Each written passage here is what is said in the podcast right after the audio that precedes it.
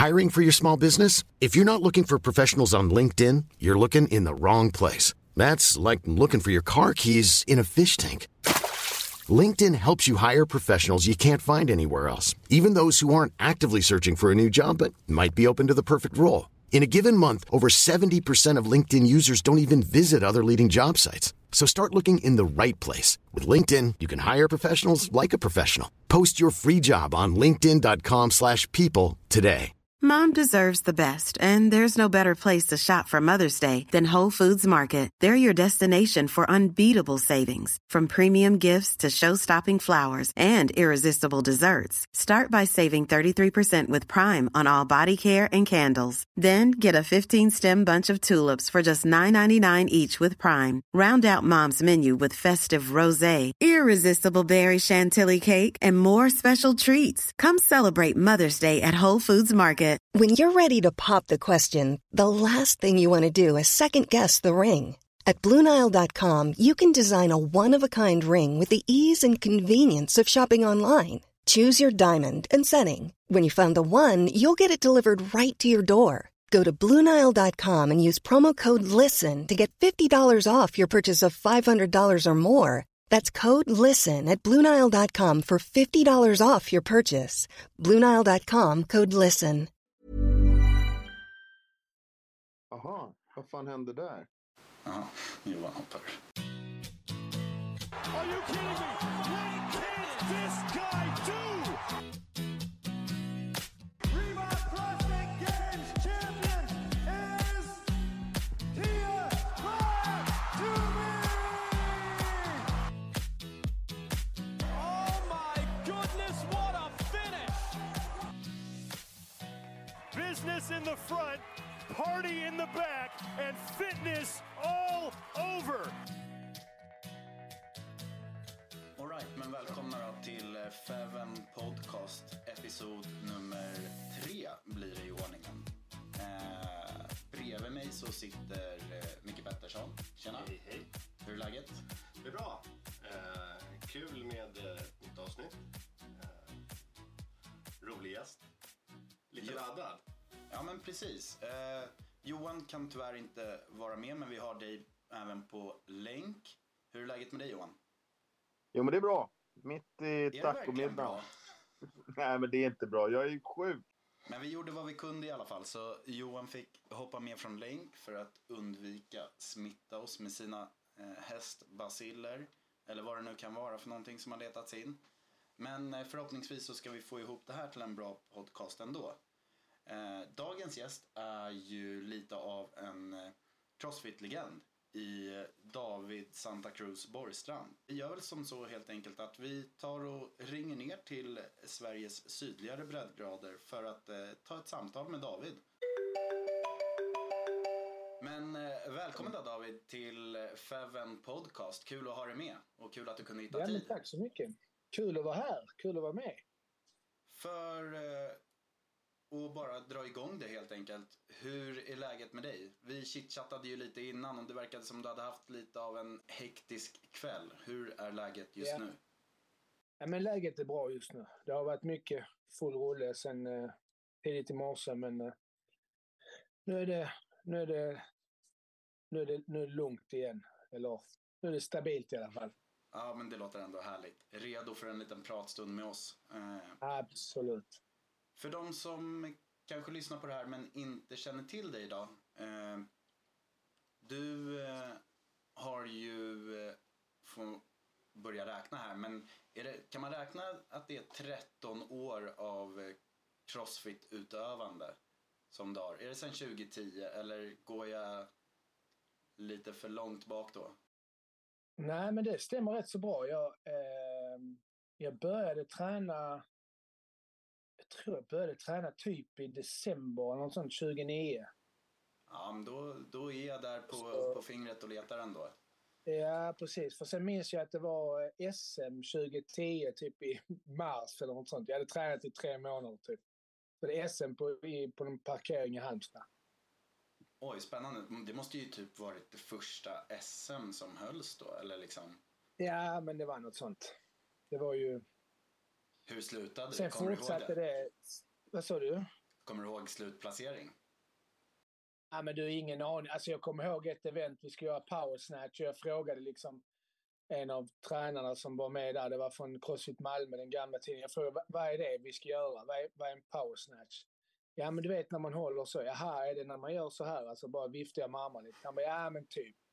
Okej, okay, vad är chest to bar pull-ups? Jag hade aldrig gjort det liksom. Jag, ja, men du vet, det, var, det gick ju rent åt skogen. Learn on the spot. Men eh, om, det Ja, var, om det var en tuff start i Crossfit-karriären så måste man ju säga att det är ju raka motsatsen vad, vad du har radat upp här på, på senare år helt enkelt med diverse gamesplatser och eh, har väl mer eller mindre prenumererat på en första plats i Sverige i, i din age group eller din ålderskategori eh, under de Ja, senaste nu, är åren. du, nu smickrar du mig här. Det, det får man göra. Nej, men Det jag är ju tänk, faktiskt fakta. det, det, det är faktiskt inte bara smicker, det, det är ju fakta precis. Det är ju så det ligger till. Du, du var på Games 2017 med eh, Crossfit-fabriken. Och det Yes. är väl enda gången i lag som du var med på Games va? Ja. Yes. Vilka var det som var med och tävlade i ditt lag då? Det var jag, det var David Karlsson som också bor här- här i Hör där jag eh, har mitt resident eh, i mitten av Skåne, ute i skogen. David Karlsson, han är en eh, bergsget härifrån trakterna. Så han var med, gammal legend också inom Crossfit. Eh, sen har vi Tobias, Tobbe, vet- Tobbe, Tobbe heter han. Och sen så var det Karin Dike från Lund. Pernilla Skoglösa som också var på fabriken. Så var det Sara Armanius från Stockholm. Just det, Sara var med. Hon har ju även faktiskt coachat lite på Styrka Crossfit där vi håller hus. Eh, Ja men, gånger. ja, men precis. Jag, ja. jag har lite Just det, just sporadisk det. kontakt med henne Var också. det det Ja. året som Sara vann en open workout? Ja, Ja. det stämmer. 17... Eh, Ett. ett. 17-1, det var någon burpee boxjump kombination va? Ja, det är bland det snabbaste Eh, jag sett. hantelsnatch. Ja. Just det, just det. Ja men se vilken... Legendariskt. Legendariskt. Hon slog ju Sam Briggs. Hon gjorde typ om den. Alltså jag tror att hon gjorde om den typ, om jag inte minns fel, två gånger. För att hon ville liksom slå Sam Briggs och vinna de där 2000 eller 1700 dollar eller vad det var. 2017, 2017 dollar. Nej, det, är, det är inte dumt. Inte dumt alls att vinna en open workout. Men 17, Nej, lite det var bra. kuriosa, David. 17, då Ja. var jag faktiskt på La, vad heter det nu, Caja Magica i Madrid och såg er och Nordic-laget en av dagarna. Eh, redan Jaså, då. Jag du var ja, jag var på semester i, i Madrid över den helgen med min fru. Eh, så jag, jag har känt det länge höll jag på att säga. Det har jag inte. Men eh, jag har sett det tävla redan då. När Ja, eh, vad fabrikenlaget var med. Ja, så det är lite häftigt. Ja, det är lite häftigt. Ja, men det var väl en... eh, Det var väl ändå en... Ja, men får jag säga, det blev väl ett, en, en episk eh, tävling, ett, ett episkt avslut liksom. Den måste På, ju på, vara... eh, Visst, visst var den eh, fullpackad med massa svenskar va? Den eh, Regionals-tävlingen. Både lag från fabriken och eh, Crossfit Nordic. Ja. Och sen så var det något mer som var med. Lukas Högberg måste ju ha varit med förstås. Ja, sen så var det ju Lukas liksom ett gäng individuella också tänker jag. Ja, sen hade nog Måndagsklubben hade något eh, Falun, de hade något lag med. Just det. för. Det var något annat lag också, Sydkusten. Eh, Crossfit Sydkusten som jag tävlade med i lag på Regionals 2016. De hade också ett lag med. Ja, Ehm, du ser. Det var rätt många svenskar. Det var, jag, brukar säga, jag brukar säga att eh, det var det sista riktiga lagåret. Eller så. För, för det var det var, det, det var liksom det året som jag tror det gjordes allra flest satsningar liksom eh, lagmässigt. Eller ja, sen har jag inte haft så bra koll på lagen nu efteråt. Men nu känns det som det är bara superteams hela tiden. Men Men det var väl också, precis, dels så var det ju konceptet att man var sex personer i varje lag. Och eh, det var väl också att man eh, representerade sin box på ett lite annat sätt mot vad det kanske är idag då man faktiskt kan liksom pyssla och pussla lite för att få ihop sitt lag och man behöver bara vara fyra personer vilket också gör det lite lättare att hitta fyra likasinnande människor eller hitta tre likasinnande. Då. Ja, absolut. Det var ju, ja men precis, det var sista året med sex i varje lag. Eh, logistikmässigt så är det ju en fullständig katastrof. Det förstår jag ju och det förstår man efter man har varit på games också. Men det var sista året som, som det skulle vara liksom en affiliate cup egentligen, utan där alla, alla i laget var tvungna att vara residenta i boxen och träna i boxen typ från den första januari eller sånt. Så att man, nu är det lite annorlunda regler och så. Det, det är väl ingen affiliate cup, det är väl mer en teams-tävling liksom. Eh, där man kan eh, superteama sina lag lite hur man vill. Och det ligger väl också en charm i det. Men, eh, ja men precis, det, men det, det, är lite annat som går in i tävlingen idag än vad det var, kanske var förr om åren. Ja precis, och sen så lite episkt blev det för oss också. för egentligen hade både Tobbe och David, de var liksom pensionerade typ. Alltså de hade typ lagt eh, skorna på hyllan och, och det var Karins sista år hon skulle satsa och så. Så att det, det var så mycket på spel liksom det här med att, ja men, vi gjorde en ordentlig gamesatsning, folk hade förväntningar, vi hade höga förväntningar på oss själva. Liksom hur ska det här sluta? Och så, och så hade vi liksom ja, men, lite motgångar i, i säsongen i början där vid Open och så det var skador och det var liksom osäkerhet och så. Men så i, i det här mot, mottugget så blev det bra och vi slutade på en andra plats. Jag brukar alltid säga att det, det är nog den enda andra platsen som jag någonsin kommer att acceptera. Eh, och som jag värderar väldigt högt. Den silvermedaljen från Regionals. För det var också ett år när England, eh, Steven Fawcett och hans eh, liga, de gjorde en enorm satsning. Och spanjorerna gjorde en enorm satsning och tyskarna. Alltså det var en sån jätteenorm satsning från alla lag i Europa. Så det var, det var liksom en av de bästa regionerna i världen att, att, att placera sig i. Så det, det, kändes, det bra. Det ligger lite... Ja, men det känns ju som att lite... någonstans där var startskottet för skiftet mot Europa och liksom att så här, ja, men Europa är också med på Crossfit-kartan. Innan så hade det varit väldigt mycket liksom Nord Nordamerika och liksom USA baserat och sen så började liksom ja, Europa tugga in någonstans därifrån. Ja, precis. Men David, var det, var det, blev det naturligt då att gå över som individuell atlet efter den tävlingen? Jag tänker laget upplöste sig väl då, alltså efter games då, att liksom nu skulle vissa lägga av och göra andra saker, det blir nya konstellationer. Hur tänkte du då? Alltså jag har egentligen aldrig varit en lagatlet i crossfit eller i någonting. Alltså jag, jag kommer från eh, brottning från det jag var fyra tills jag var 18 och sen så Visst 19. finns det någon form så... av SM-tävling eller är det till och med medaljplats inom brottningen som varit i juniorled? Eller sviker min research nu?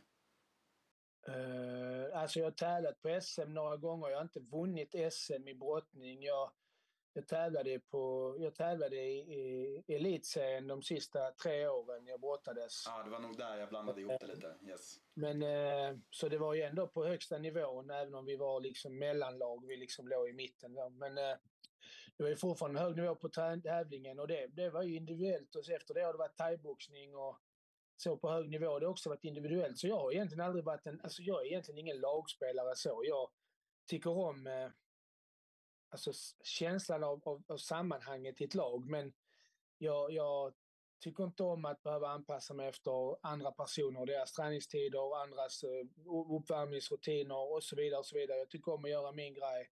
Jag tycker om att tävla själv, hålla mig själv ansvarig, inte behöva tänka på någon annan. Så efter två år med lag, alltså jag har bara tävlat individuellt i crossfit, så efter två år där på regionals i lag, så efter games så bara kände jag, nej jag vill inte ha med det här laget att göra med, jag vill inte ha med någon att göra med. Eh, så, men, eh, och ingenting personligt mot dem i laget, utan det var bara själva, själva alltså det blev för mycket alltihopa. Alltså. Så, så ja.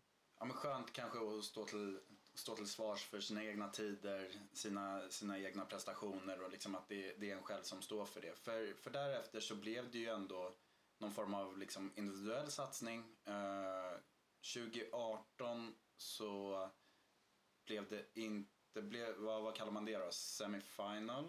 Blir det väl? Ja. Alltså gamla ja. regionals och liksom nya semifinals. Precis. Och sen så 2019 så var det ju en ny gamesplats då som ja. individuell atlet. Ja, precis. Hur upplevde du liksom skillnaden var från att tävla eh, på Games i lag gentemot eh, individuella spåret. Men jag tror, alltså tävlingen i sig,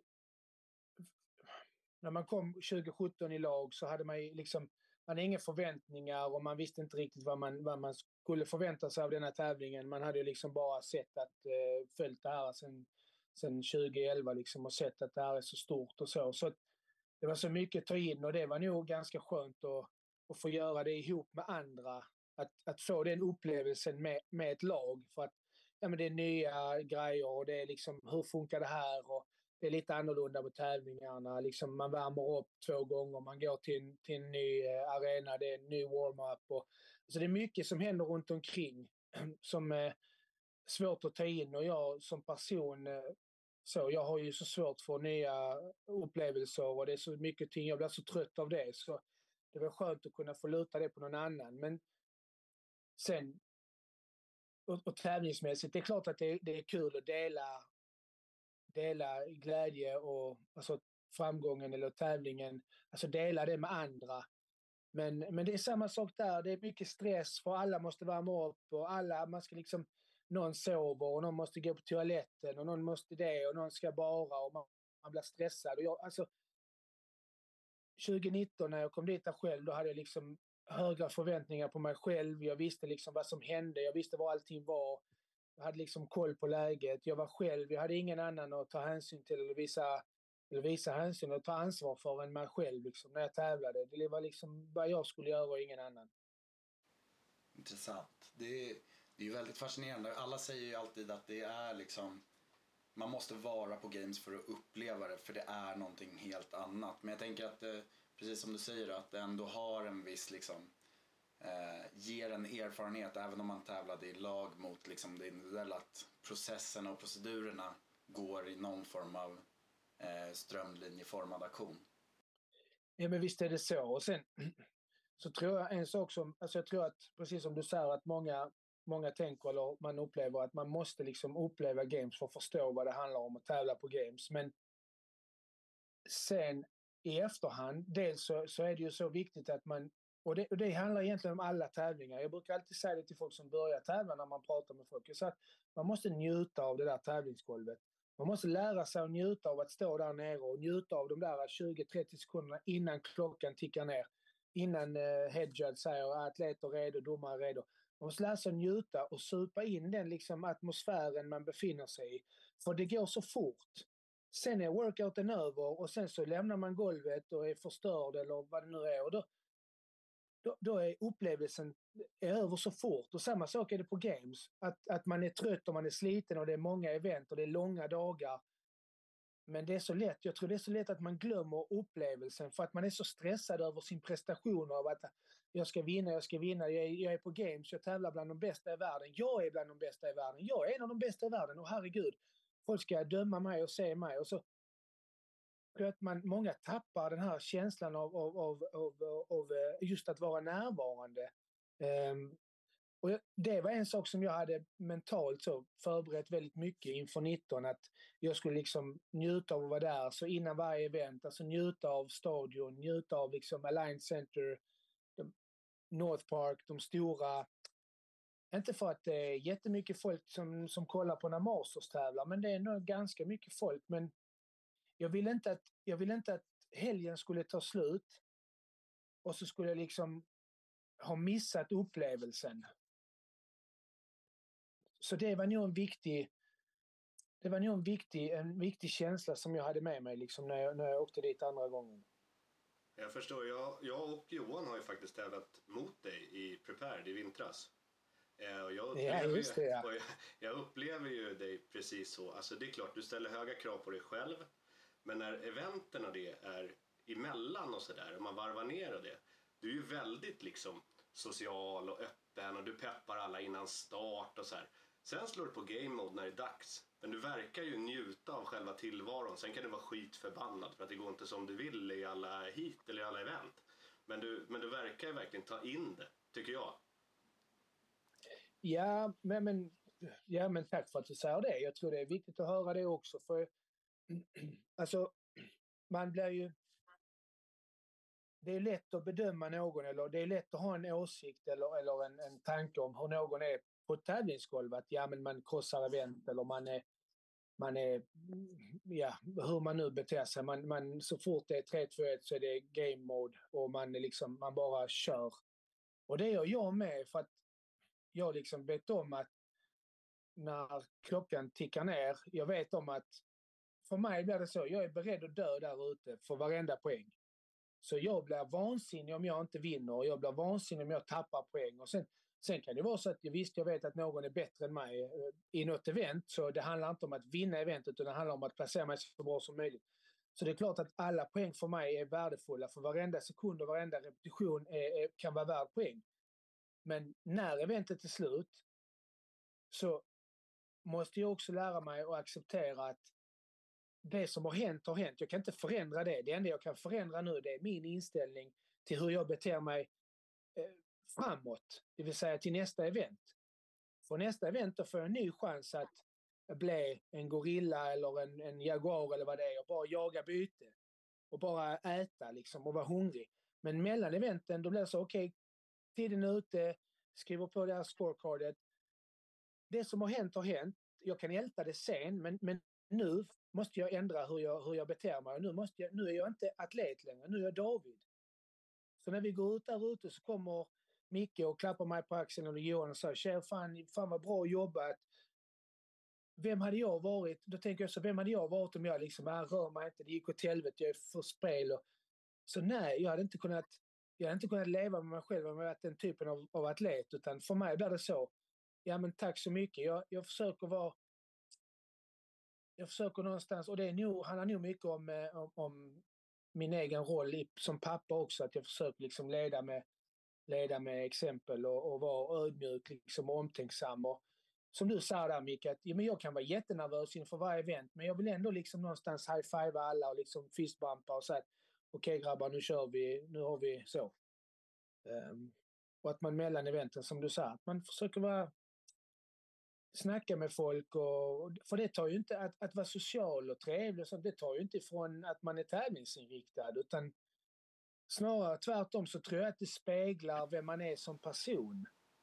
Jag tycker det är fint att du säger det, för det, eh, det är ju någonting som man kanske sällan pratar om. Liksom att det är okej okay att vara glad och trevlig och liksom om sig kring sig runt omkring. Men när det väl är ett event att det är ju då som man ser till att liksom plocka fram den lilla tävlingsdjävulen. Det är ju då allting ska ut. Det är ju då man öser på och är liksom i sin egna lilla värld, mer eller mindre. Men sen så fort det är klart, då kanske det inte finns så mycket man kan påverka där. Och därigenom så, så här, hur upplevs jag som människa? Och du var inne lite på det med liksom, ja men, att du vill, eh, mm, ja men vad säger man, leda, lead by example eh, med dina barn bland annat. Eh, och hur ser det ut nu då för dig med liksom familjelivet och ändå en elitsatsning inom Crossfit och att liksom hålla igång ett jobb också. För det är, det är ju realiteten med våran Crossfit-elit idag. Det är ju väldigt få som klarar av att liksom leva enbart på eh, sin Crossfit. Så hur går liksom livspusslet ihop för dig där? Ja, ja, ja, alltså jag tror, jag tror också, precis som du sa, det är många, det är nog svårt att leva. Jag tänker att alla de här gamesatleter och sånt som lever på det, jag tror många av dem, ja, men de har lite sponsorer och sånt och de lever med någon partner kanske som jobbar. Så, sen, och jag, och jag har egentligen inte spekulerat i hur de får sitt liv att gå ihop, för det är ganska ointressant för mig så. Jag tror att men jag, jag skulle aldrig vilja vara proffs i crossfit och, och leva på detta här. Alltså, eh, utan jag har någonstans, jag har ändå hållit på med detta i 13 år. Jag, jag började tävla på riktigt kan man väl säga 2011. Eh, då var det Butchers Classic och det var eh, Alltså då var det alla som tävlade. Det fanns ingen RX eller Elite eller inte Alla bara tävlade. Det var liksom Fredrik Agedius och Annie Toresdotter 2011 som tävlade. Man var med Sam Briggs och alla. Och, och någonstans har jag lärt mig att um, att jag ställer höga krav på mig själv. Det gör jag i livet i övrigt, alltså i mitt äktenskap och i mitt eh, jobb. Och, men samtidigt, och i träningen, i alla, eftersom jag har ändå tränat och tävlat på elitnivå i, i nästan hela mitt liv, alltså i olika sporter. Och detta är tredje sporten. Och jag, jag är någonstans så, det absolut viktigaste för mig, Och detta kommer nog från, eh, nu ska vi säga så att min ADHD gör att jag ofta pratar alldeles för mycket. Eh, vilket kan vara bra i vissa sammanhang, men ibland så, så snörar jag ut för mycket. Så jag ber om ursäkt för det. Men eh, jag tror att inom brottning och thaiboxning och så, då var det alltid så. Var inte rädd för den personen som ser farlig ut och som fnyser och stånkar. För den personen har inte roligt. Var rädd för den personen som ler när man går upp i ringen. För den personen njuter av det han gör. Och någonstans är det den balansen jag försöker ha i crossfit också. Jag menar inte att jag är inte här för att döda någon och slå ihjäl någon, det gjorde jag förr. Men, men nu är jag, nu är jag, jag är här för, för att vinna. Jag vill vinna allting jag ställer upp i. Jag är, jag är sån tävlingsmänniska så jag accepterar inte en andra plats. Jag, jag, men balansen för mig är att ha roligt när jag tävlar. Och om jag har roligt när jag tävlar, det är också en direkt det, det blir också en direkt korrelation till hur mitt liv ser ut i övrigt. Att om jag har en balans i mitt liv, jag värdesätter mitt arbete, jag jobbar som familjeterapeut inom socialtjänsten i Malmö. Jag, jag fullständigt brinner för mitt arbete, jag brinner för det yrket jag gör. Jag hjälper familjer i relationsfrågor eller med sina barn. Jag jobbar mycket med barn, ungdomar och vuxna som har NPF-diagnoser, typ ADHD, autism, Asperger och så vidare hjälper dem med strategi och det ger mig en enorm, en enorm känsla av, av, av eh, tillfredsställelse att få jobba med det jag gör. Sen är jag pappa och, och det är mitt första syfte att vara pappa. Jag, jag har två fantastiska pojkar. Jag tränar dem i brottning, jag tränar dem i handboll och jag tränar dem i fotboll. Jag är med dem på parkour och simning varje vecka. Jag, jag, jag ger dem den tiden jag kan. Därefter så är jag man till min fru. Därefter så är jag crossfit-atlet och jag tror att jag har kunnat balansera det bra. Det är för att jag har gått in i varje säsong, eh, vad ska man säga, som liksom med clean sheet, liksom ett, ett oskrivet blad. Ja. Så länge jag mår bra, så länge jag har en, en fysisk och psykisk mental balans, så länge mitt liv är balanserat, då kommer jag köra denna säsongen också. Och då kommer jag ha roligt med träningen och jag kommer ha roligt med, med all den tid jag lägger ner.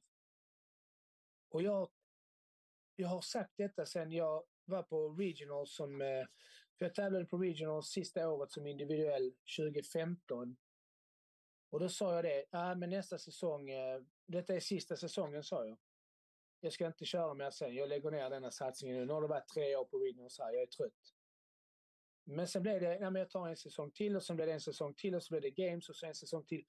Och så har jag sagt hela tiden, så länge jag, så länge jag mår bra i livet i övrigt, så länge jag har en bra balans, för då, då, då vill jag också lägga den tiden jag gör på min träning. Ja, sen, intressant. Sen har, det varit, sen har det klart varit i perioder är det tufft för att jag menar, det är inte så att jag, jag tränar inga åtta timmar om dagen. Alltså jag tränar två pass om dagen, men jag tränar när det finns tid. Jag går upp tidigt, jag tränar, jag har gym hemma. Jag har ett gym väldigt nära mig där jag bor. Och jag, jag gör alla de anpassningar som jag behöver göra för att få ihop mina två pass.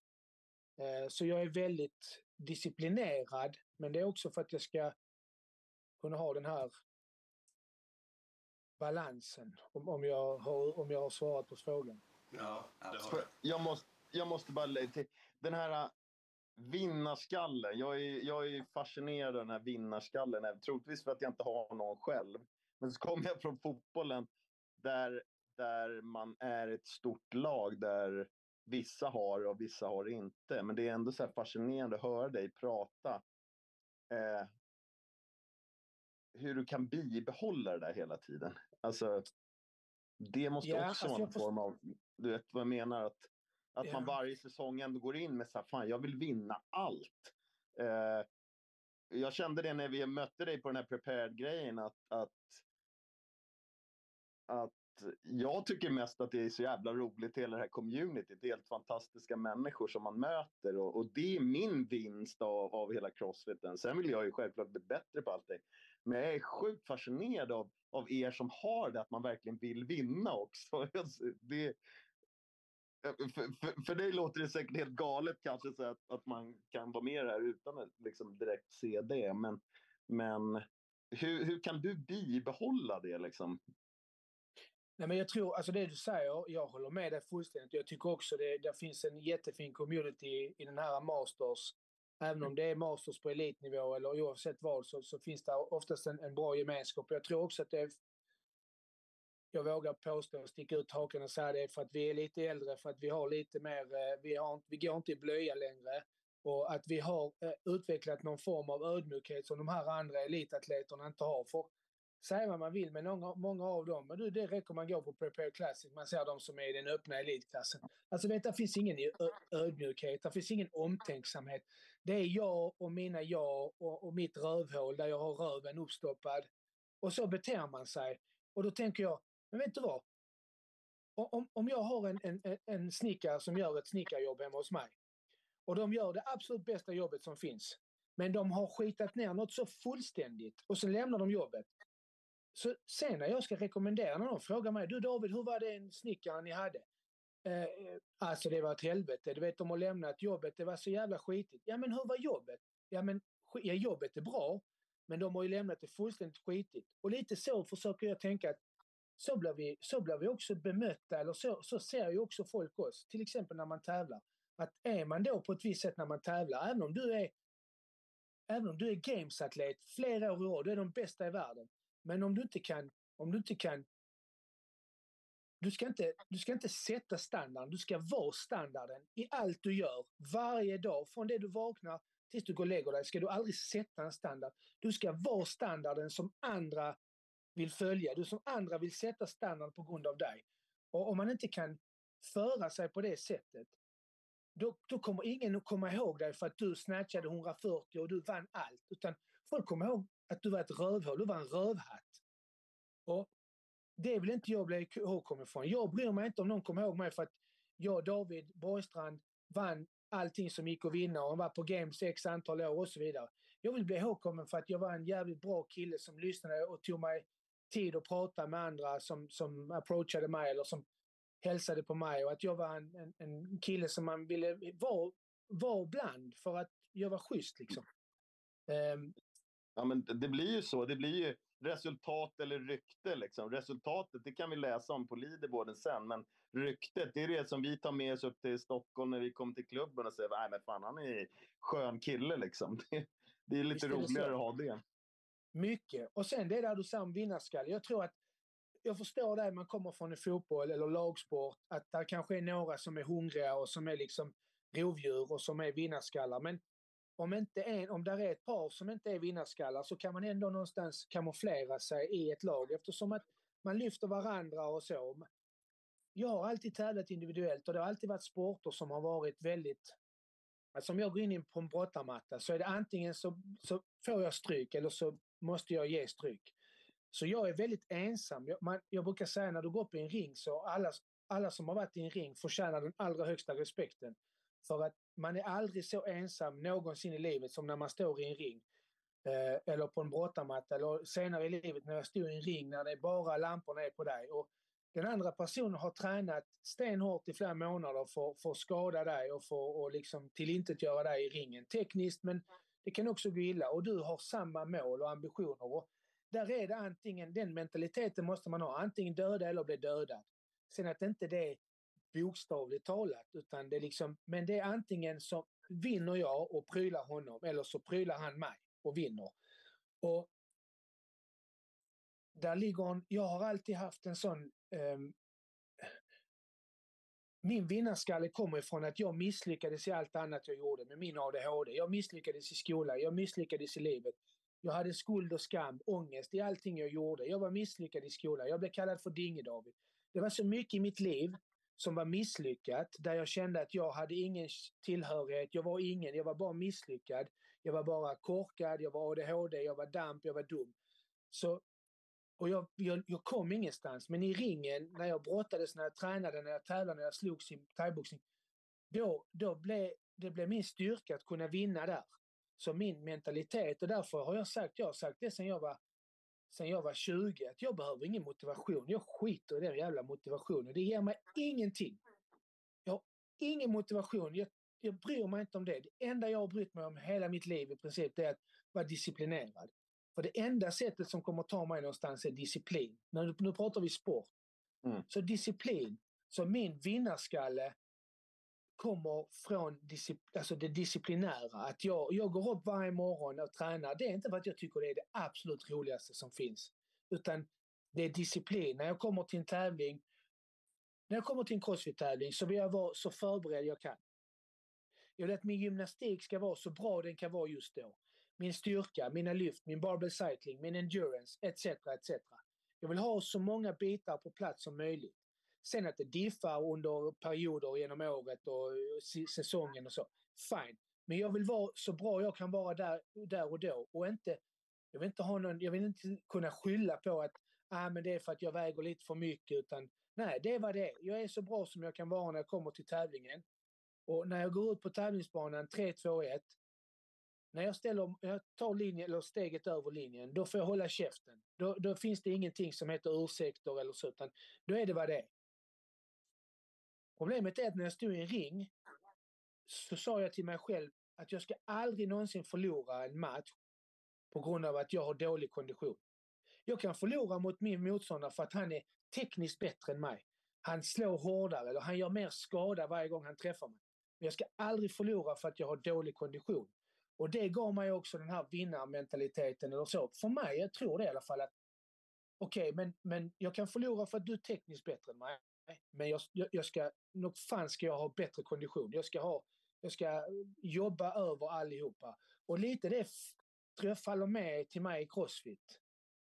Um, så även om jag är 41 liksom, man kan tänka fan Borgstrand, chilla nu lite grann. Alltså så, du vet, det, det är klart man satsar och alla, jag tror att, men, men jag tror att alla som är på den nivån har samma mentalitet och det är nog det jag, jag går på. Att alla tänker likadant. Så, ja, det där är ju väldigt intressant. Just eh, som du säger, man pratar ju ofta om eh, motivation men för dig så är det mer disciplin och det är en lite ny tanke i alla fall för mig. Jag har inte riktigt eh, haft den tidigare. Men David, jag tänkte på en annan grej som kommer in på det här. Disciplin är ju en stor drivkraft. Jag tycker du sätter ord på mycket saker som jag kan känna det också, att det inte alltid är så jävla kul. Men jag har ju bestämt mig för att göra det här. Då måste jag följa det. Försöka bli så bra jag kan. One size fits all seems like a good idea for clothes until you try them on. Same goes for healthcare. That's why United Healthcare offers flexible, budget friendly coverage for medical, vision, dental, and more. Learn more at uh1.com.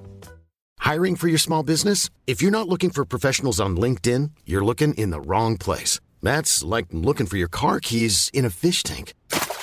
LinkedIn helps you hire professionals you can't find anywhere else, even those who aren't actively searching for a new job but might be open to the perfect role. In a given month, over 70% of LinkedIn users don't even visit other leading job sites. So start looking in the right place. With LinkedIn, you can hire professionals like a professional. Post your free job on linkedin.com slash people today. Men jag tänkte på träningsmässigt då. Får du hjälp med din träning? Eh, eller följer du någon vanlig, vad ska man säga då? En generell, en generell programmering. Eller är det någon som hjälper dig? Uh, oh, Okej, jag ska försöka dra det här kort. Ja. Eh, jag är ju jag är ju jag är väldigt selektiv i det mesta jag gör och det är som sagt, jag brukar alltid återkomma till att det är min ADHD, men någonstans har det blivit, min ADHD har blivit en identitet för mig, även i mitt arbete. Liksom så. Och det är mer att jag idag liksom kan skratta åt att jag är, på, jag är, som, jag, är som jag är och, och, och min ADHD eh, visar sig så tydligt i så mycket av det jag gör i livet och jag liksom tycker om det. Eh, och där, det syns så tydligt i min träning också. Eh, jag är väldigt selektiv. Jag följer en generell programmering, alltså, men jag följer inte en helt strikt utan jag hade, ja, jag hade, jag hade hjälp 2019 så fick jag hjälp av eh, eh Anders Farnett. Eh, ja. Han heter inte Farnett längre. Anders Rittmo som har eh, Superhero, Superhero Project. Project ja. Och han hjälpte mig då ett halvår innan, alltså fram till Games och, och, under Games. Han var där och jag måste säga att Anders är fantastisk coach. Han var fantastisk att ha med på Games mentalt och han läste mig väldigt snabbt. Alltså min, han visste min kapacitet väldigt tydligt och han visste exakt pacing. Och jag, jag lyssnade på honom där och då och det, det gick väldigt bra. Um, men fram till games så, så sa han alltid du är helt uncoachable. Du är helt ocoachbar för att du gör alldeles för mycket. Um, och lite så är jag. Och det är också, det, jag tror att det, det, det är mycket som reflekterar mig där. Jag har jättesvårt för att följa en programmering. Till exempel nu, just nu så, så, har jag, så följer jag Mayhem. Eh, Rich Fronings programmering där. Jag tycker den är väldigt bra. Den är strukturerad. Där är liksom en bra meny hela dagarna. Jag får väldigt mycket av det jag behöver träna på. Mycket gymnastik, mycket GOD, mycket handstand walk och så vidare.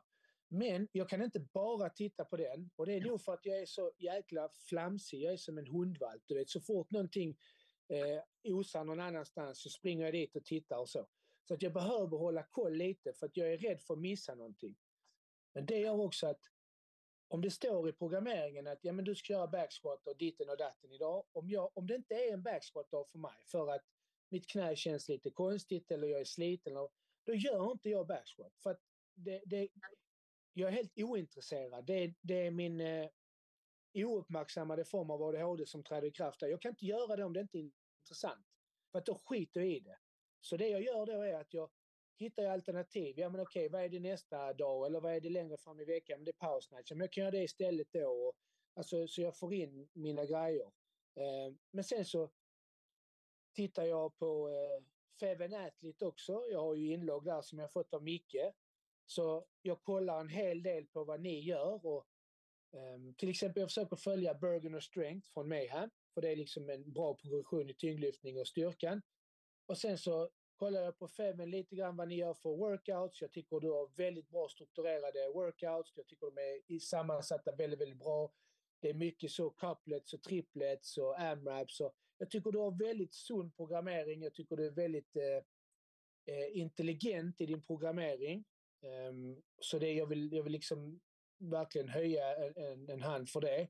Och jag tittar mycket på det och jag tar workouts därifrån. Även om jag inte postar det alltid så, så gör jag mycket workouts därifrån. Och sen så kör jag mycket till exempel Engine. Jag kör Engine varje dag. Jag kör mycket Engine från Prepared. Eh, för att jag tycker de har bra upplägg. Jag tycker Phil har bra, alltså en väldigt bra programmering. Det var jag som behövde något nytt att göra. Jag har följt Prepared i liksom fyra år. Eh, så jag behövde något nytt och tog jag Mayhem för att jag vet att Mayhem har framgång och det passar mig. Och, eh, jag tycker om när det är en meny och så får jag lov att välja vad jag ska göra när jag ska göra det. Skulle någon säga till mig, ja men som om jag har en coach och de säger, ja men du ska göra detta och detta första passet och det det andra passet. Så blir jag så, nej, jag gör tvärtom. Jag blir som ett barn. Varför ska jag göra det? Varför ska du berätta för mig vad jag ska göra? Jag vill inte göra det nu. Ja, men det är därför du ska göra det. Nej, jag gör inte det. Jag vägrar. Så ställer jag mig i en hörna så här. Men du har ju då ett helt nytt upplägg David för hur man skulle kunna programmera. Att du gör ett smörgåsbord för veckan så plockar du vilka rutor du vill på vilka dagar som passar dig själv. Fast du ska göra jobbet. Det där är, det där är riktigt bra. Alltså det där var, du, du, du sa en, ett smörgåsbord för en vecka.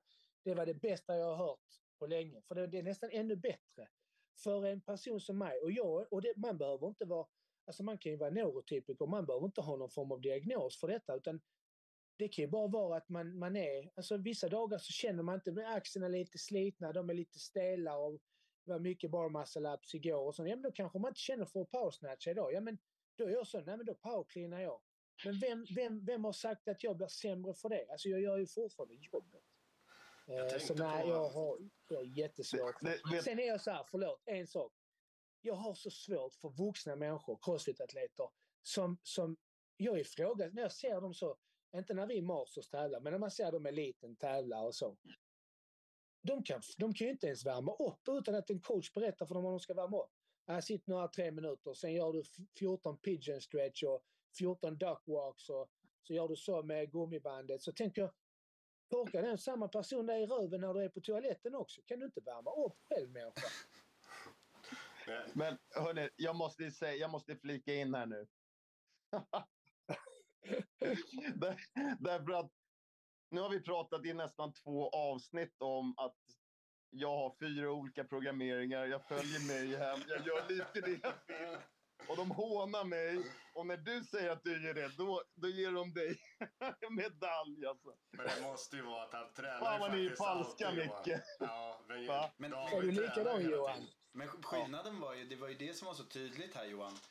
David hade ju ett smörgåsbord där han faktiskt plockade ut workouts och genomförde workoutsen. Du har ju bara smörgåsbordet och sen så skiter du i att plocka saker. nej, men jag, nej, det roliga är att jag har det där smörgåsbordet, men jag tog faktiskt upp en sak som David är inne på också. Att nu har jag haft problem med armen i, i länge och då kan jag inte göra allting. Då måste jag plocka lite. Då kan jag inte bara följa en programmering rakt av heller. Så man måste ju plocka lite. Sen så har man lite svaghet man behöver jobba på, så måste man fixa det. Vet. Men sen kanske det blir lite sådär, när jag har mycket att välja på, då kanske man plockar ut det som man vill göra istället för det som man behöver göra. Men jag tror en, att det där en... känner vi nog alla igen, att man i en sån generell crossfit-programmering så känner man ju ändå att vissa dagar vill man gå utanför programmering för man vet att ah, jag behöver handstand walk eller muscle up eller snatchar och idag känner jag inte för att göra tunga back squats utan att man ibland behöver gå lite off prog.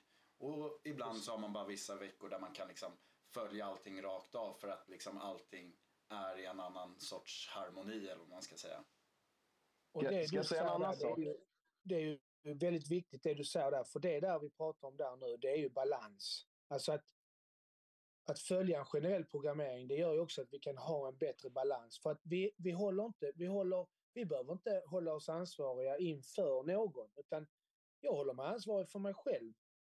Men om jag har en coach som proggar till mig som lägger ner väldigt mycket tid på att individualisera en träningsprogrammering för mig per, per eh, kanske fem, sex veckor i taget eller vad det är. Då, då blir det också så att jag håller inte mig bara själv ansvarig. Jag måste hålla mig ansvarig för någon annan också. För det är någon annan som, som lägger faktiskt ner väldigt mycket tid. Och det ser vi ju nu. Alltså, jag menar, jag vet inte om ni har kollat på det här med Mal O'Brien. Hon har liksom hoppat av ja. säsongen. Ja. Och, och, jag vet inte, jag vet ju inte riktigt vad det beror på. Jag, bara, jag antar att det har någonting med, med den mentala balansen och hälsan och så. Och då tänker jag så här, men hon, det är en tjej som är 19 år, det är ett barn fortfarande, alltså knappt liksom. Hon har precis blivit liksom i vuxen ålder. Hon, hon, har en, eh, hon har den bästa crossfitaren genom tiderna typ som programmerar. Hon har ett helt team. Jag, jag, och jag tänker på det att, det jag tänkte på, det första jag tänkte på det är att varje gång man intervjuar henne så intervjuar man henne utifrån hur duktig hon har varit, hur hon har presterat, hur hon har sopat golvet med alla och vad som komma skall. Och du kom tvåa förra året på Games. Vad är det för press på dig själv? Vad sätter du för press på dig själv? Vad förväntar du dig av nästa säsong? Hur tänker du nu? Nu är Tia borta. Ska du vinna? Ska du vinna? Det är inte en enda av alla de här, alla de här Morning Chalk Elite Fitness, you name it, Brian Friend. De är fantastiskt duktiga på det de gör. Men inte en enda som har satt sig ner när jag har hört detta och sagt Hej, Mallory O'Brien, vem är du som person? Om vi lägger crossfiten åt sidan. Vem är du? Vad gör du för att ha balans? Vad gör du för att ha struktur? Vad gör du, för, vad gör du när du tycker om att ha roligt? Det är ingen som frågar henne om hennes balansliv. Alla bara pressar på. Jag säger, sen jag säger inte att det är deras fel, men jag menar att det är inte konstigt med all den pressen utifrån. Du har en coach, du har en programmering. Alltså, Ja, men jag tror absolut att det där driver på, speciellt när man kollar eh, just eh, det exemplet då med, med eh, Mal O'Brien. Nu är det ju såklart tråkigt att hon inte känner att hon kan prestera och vara med. Det ska man väl också tillägga. Men just det där när man har en specifik tyngdlyftningscoach, man har en specifik crossfit-coach, man har någon form av övergripande ansvar och sen så har man en person som är liksom ansvarig för ens engine och så vidare och så vidare. Och sen så på det så har du manager, sponsorer och alla de här är beroende av att du behöver leverera. Du yeah. behöver få ut slutprodukten från oss på något sätt. Och det tror jag definitivt har liksom satt sig, precis som du säger, på hennes psyke. Även om de säger att liksom så här, nej men vi försöker tona ner, att hon inte ska liksom köra för hårt och liksom inte matta ut kroppen eller liksom fysiskt för det kommer sätta sig mentalt och så vidare. Så tror jag att så här, det är mer eller mindre oundvikligt. Det är ju bara att kolla på alla de här som nu har försvunnit. Hailey Adams var väl lite samma sak. Eh, yeah. Också avbruten säsong. Hon gjorde det ju mycket tidigare men eh, där fanns det väl också lite bakomliggande psykiska orsaker. Men, men i, i mångt och mycket så tror jag att det är samma, samma sätt där, att det liksom finns någon form av press utifrån. Som man behöver Absolut. stå till ansvar för. Och jag tror att då tappar man ju glädjen ju. Alltså, då kommer vi tillbaka till det här att i grund och botten ska det ju vara kul att hålla på med sin idrott och sport. Precis. Alltså jag menar, ett lejon som har ätit, det spelar ingen roll om det går en antilop tre meter bredvid den, ett lejon som har ätit skit och antilopen, han är mätt, han är nöjd, han bara ligger ner och tittar. Han chillar, nu kan han chilla i tre dagar. Men ett, ett, ett lejon som, är, som inte har ätit på fyra, fem dagar, helt plötsligt har du någon här som är hungrig, som är på jakt och som liksom, du vet, vet att det är skarpt läge och har roligt nu, nu måste vi jaga. Alltså, lite samma sak känner jag lite grann här i denna sporten också. Denna sporten är så pass ung, den är så pass ny, men det ställs enorma krav. Alltså det ställs enorma krav på prestation. Ja, och när, när, när, vi är inne på, på det ämnet också, så du som ändå har Ja, men man kan väl säga att du i alla fall har varit med sedan starten i Sverige av liksom Crossfit Sverige och så vidare. Eh, och om man då tittar på liksom, ungdomskulturen idag, för nu börjar ju ändå liksom första generationens crossfittare komma, komma fram och liksom prestera yeah. och leverera. Och liksom, det är ju bara att kolla på ja, men, fjolårets game så var det ju flera som inte ens var fyllda 20 som, eh, som var med och liksom placerade sig i mm. topp 10 och speciellt då eh, bland tjejerna. Eh, men om man då tittar på hur liksom din generella syn, du sa också att du coachade dina eh, söner i diverse sporter och eh, mer därtill. Eh, hur liksom, när tycker du att man bör börja med crossfit? Eller liksom den här liksom frågan som alltid är liksom, bör man fokusera på en sport eller ska man hålla på med flera? Och liksom så här, hur, hur ser du på ett liksom allmänt idrottande och hur gör man crossfiten till liksom någonting som även går ner i ungdomsled? För det kan man ju alla stryka under att liksom en teens programmering eller klass på eh, crossfitboxar det kanske är ett pass i veckan, två pass i veckan och det är ju inte fullbokade klasser direkt utan det är ju mer för den vuxna atleten om man säger så, crossfiten. Eller ja. har varit. Ja, jag, jag önskar ju att, eh, som du säger, att teensklasserna det skulle vara fyra gånger i veckan fullbokat varje gång.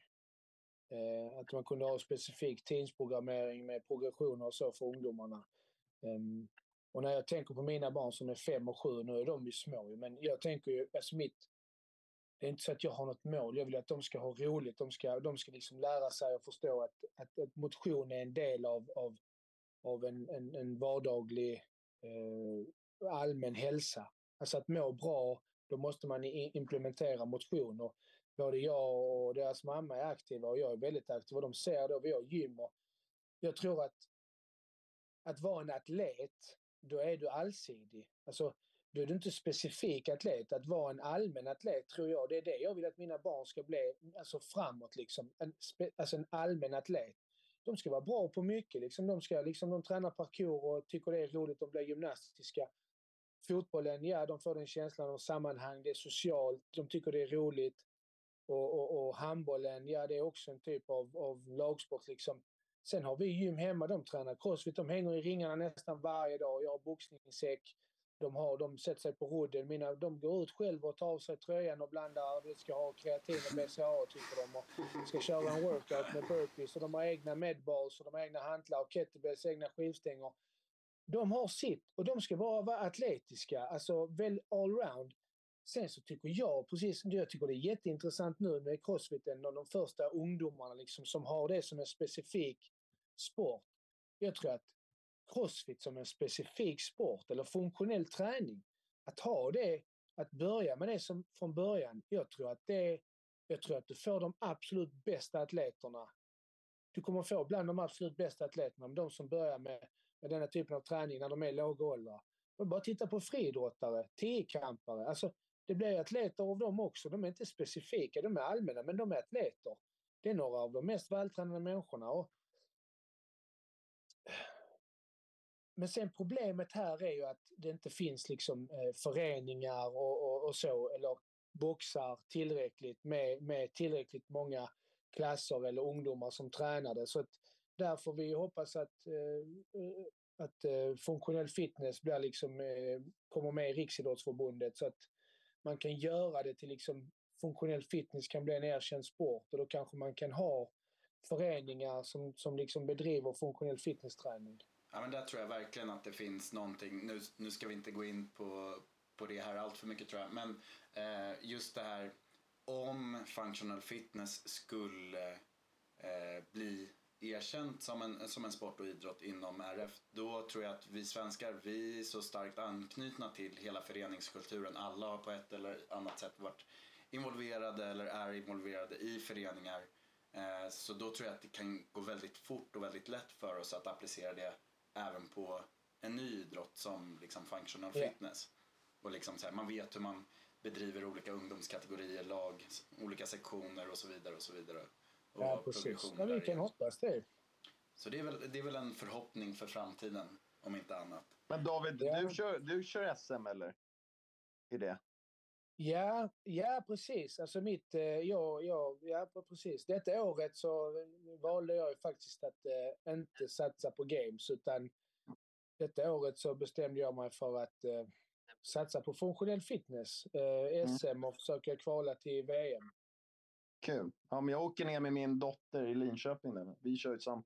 Hon är bara 19, så hon kör den här... Uh... Ja, vad blir det? Teensklassen. och De kör Sista, samtidigt sista juniorklassen va? Är det inte Mm. det? Juniorklassen, ja. Wow, gud Ja, vad häftigt. Ja, men Ja. när är det? Jag tror att det kan det vara helgen innan midsommar tror jag att det Det, är. precis, det är väl typ 16 juni, någonstans där i krokarna, den helgen. Ja. Ehm, som, Ja, har Du kör, nej, du, du kör, kör du, du kör eh, age group. Eh, Men Ja. Masters är väl... Ja. Ja, veckor känns-. Ja, Ja, det är två veckor senare i Skåne va? Någonstans där. Jag är i Svedala. det Ja, är hemmaplansfördel där då. Mm. Kul. Ja, men för en gångs skull så slipper jag. Det är faktiskt två år nu så har jag kvalat till SM, men struntat i det för det är i Stockholm. Jag bara, jag orkar inte. Och sen så nu tänkte jag, ja, nu är det i, i Svedala, nu får jag, jag anstränga mig. Ja men vad kul. Då eh, Eh, får vi önska dig stort lycka till på SM. Så tänkte jag att vi, eh, vi rundar av lite här helt enkelt och eh, tackar för pratstunden David. Det har varit sjukt kul att lyssna på dina tankar kring Crossfit och din egen satsning. Får jag säga en sak som jag släppte där under tiden. Men David, jag tycker att nu backar jag tillbaks till din träning. Jag såg ett klipp igår eller idag på dina bar muscle ups. På eh, Insta tror jag. Och det verkar ju ge resultat. jag jag gjorde tyckte det. du rörde dig mycket, mycket bättre i riggen. Ja, men tack. Vad roligt, coach. Jag tackar. Eh, ja, men jag har faktiskt... Eh, det, det låter kanske lite så, men eh, inte dumt kanske, men man tänker efter så här lång tid, man borde bara liksom acceptera att man rör sig på ett sätt. Men jag jobbar rätt så mycket med eh, alltså mitt rörelsemönster, så hur jag rör mig. Jag, jag försöker ändå tänka på hur jag rör mig mellan övningar, hur jag rör mig i övningar. Alltså, det är mycket det här, det är också det här psykologiska, att, att röra sig som att man är trött eller röra sig som att man är pigg fast man är trött. Förstår du förstår du vad jag menar? Att, de, att man, kan, man kan göra burpees, fast man är trött så kan man ändå göra barfacing burpees på ett sätt som får det att se ut som att man inte är trött. För lite så jag vill spegla tävlingar, för jag vill ju vinna, jag vill inte visa att jag är trött. Jag inte vill ge bensin till någon annan, men jag vill också röra mig bra i ryggen och nu nu har jag tagit hjälp av en eh, som är nutritionist här eh, i Crossfit Sverige, Marius från eh, Varberg. Han är fantastiskt duktig. Kanske inte skulle göra reklam så, men han är, han är Det fantastiskt är duktig. okej. Det går Och bra. han, har det hjälpt mig, han hjälper mig. han- Ja, tack. Och han, han hjälper mig att styra upp kosten. ehm, och, och just inför träningar och tävlingar och så med prestationer. Och det har gjort, jag har ändå tappat 4,5 kilo nu. Jag ska ner 3-4 kilo till. Och jag, tack för det du sa Micke där. För att det känns mycket lättare i allting jag gör. Alltså bara burpeesen känns lättare och bar muscle-upen. Jag har liksom försökt jobba på tekniken där lite. Så det känns lättare och det är faktiskt jävligt roligt. Och även som jag har hållit på med detta i 13 år. Jag är någon form av fossil inom denna sporten. Som är som en dinosaurie i Sverige när det gäller crossfit. Jag mår bra och jag tackar för det. För jag mår också bra av att få den bekräftelsen att fan det ser ändå bra ut liksom. Ja. Så jag, jag lyfter på hatten och, och där kanske jag också ska runda av och liksom tacka för att jag fick vara med här. Jag tycker ni har ett fantastiskt jobb och det var jätteroligt. Ja, Den sista frågan. den sista frågan. Där, det här med cowboy, var kommer det ifrån? Ja, det har vi inte Eh, ens nämnt. Du, hur kommer det sig att du är Sveriges Crossfit cowboy? Du lyfter av hatten. Jag lyfter all, ja, ni skulle se mig. Jag går, oftast med, jag går ofta med cowboyhatt. Jag använder mycket hatt. Men eh, Det kanske har en cowboyhatt på SM, vi får se. Men eh, cowboy är någonting som... Eh, min pappa är från Sydamerika och i Sydamerika så har man, eh, han är från Chile och där har man någonting som man kallar för eh, gauchos som är sydamerikansk cowboy. Um, och min pappa sa alltid när jag var liten liksom att han sa så, kom igen David, du, du, ska inte, du ska inte tänka så mycket, du ska bara göra det. Uh, och när jag skulle vara så analytisk så sa han, David, sluta tänk, du måste vara som en gaucho, en cowboy. En, du måste bara göra det. Alltså om, om staketet behöver lagas så stannar man ute och lagar det tills det är färdigt. Man kommer inte in här, jag är hungrig, jag är törstig. Utan ska du göra något jobb så bara se till att göra det färdigt. Stå för ditt ord. Eh, sätt inte exemplet, var exemplet. Och så när du har sagt någonting så håller du det 200 procent. Och så sa min pappa, det är liksom grundpelaren när jag vann cowboy. Så redan när jag var liten så liksom identifierade jag mig med cowboys. För att de jobbade alltid, de slet, alltså det var mycket så ranchen och så vidare. Jag vet inte, sen är det, sen är det kanske lite löjligt så, men jag fick liksom en identitet. Så jag har liksom sagt sen jag var liten att jag var en cowboy. Um, och sen så gillar jag liksom att gå i uh, lumberjack, i flanellskjorta, jeans, du vet en cowboyhatt. Men det har inte jag velat göra när jag var 20, för det var lite pinsamt att gå med cowboyhatt och flanellskjorta när man var 20. Alltså då skulle man vara lite tuffing så. Men idag är jag så, vet idag jag kan gå med hatt och cowboyhattar, min fru bara säger så. Alltså du tror du är med i Yellowstone. så säger jag. jag tycker det är härligt. Jag tycker smitta av sig på fler. Fler borde anamma eh, Davids cowboy. Ja men så det blir och det, där kommer, därifrån kommer det cowboy. Att det blir det här, vara standarden, hålla dig ansvarig, du vet, gör jobbet, även när det är, alltså det är skitsamma om det regnar ute. Du vet, alla kan springa och ro intervaller när solen skiner. Men det är när det regnar, det är då det gäller. Liksom, det är då man, man visar karaktär. Och um, ja, liksom jag brukar säga som en cowboy up liksom. Och sen det här cowboy nation och sånt har blivit min, det är liksom min lilla grej här. Ja men precis. Ja, jag, jag, tycker den är fantastisk. Tack ja, Johan, grym. bra att du kom. En liten anekdot där. Ja, ja. härligt ju. Ja. Ja men då så, då försöker vi eh, runda av en tredje gång då. Så säger vi tack för idag helt tack, enkelt. David. Jag tackar. Och lycka till på SM i sommar. Vi ses tack så mycket. Det gör vi. Ha det fint mina vänner.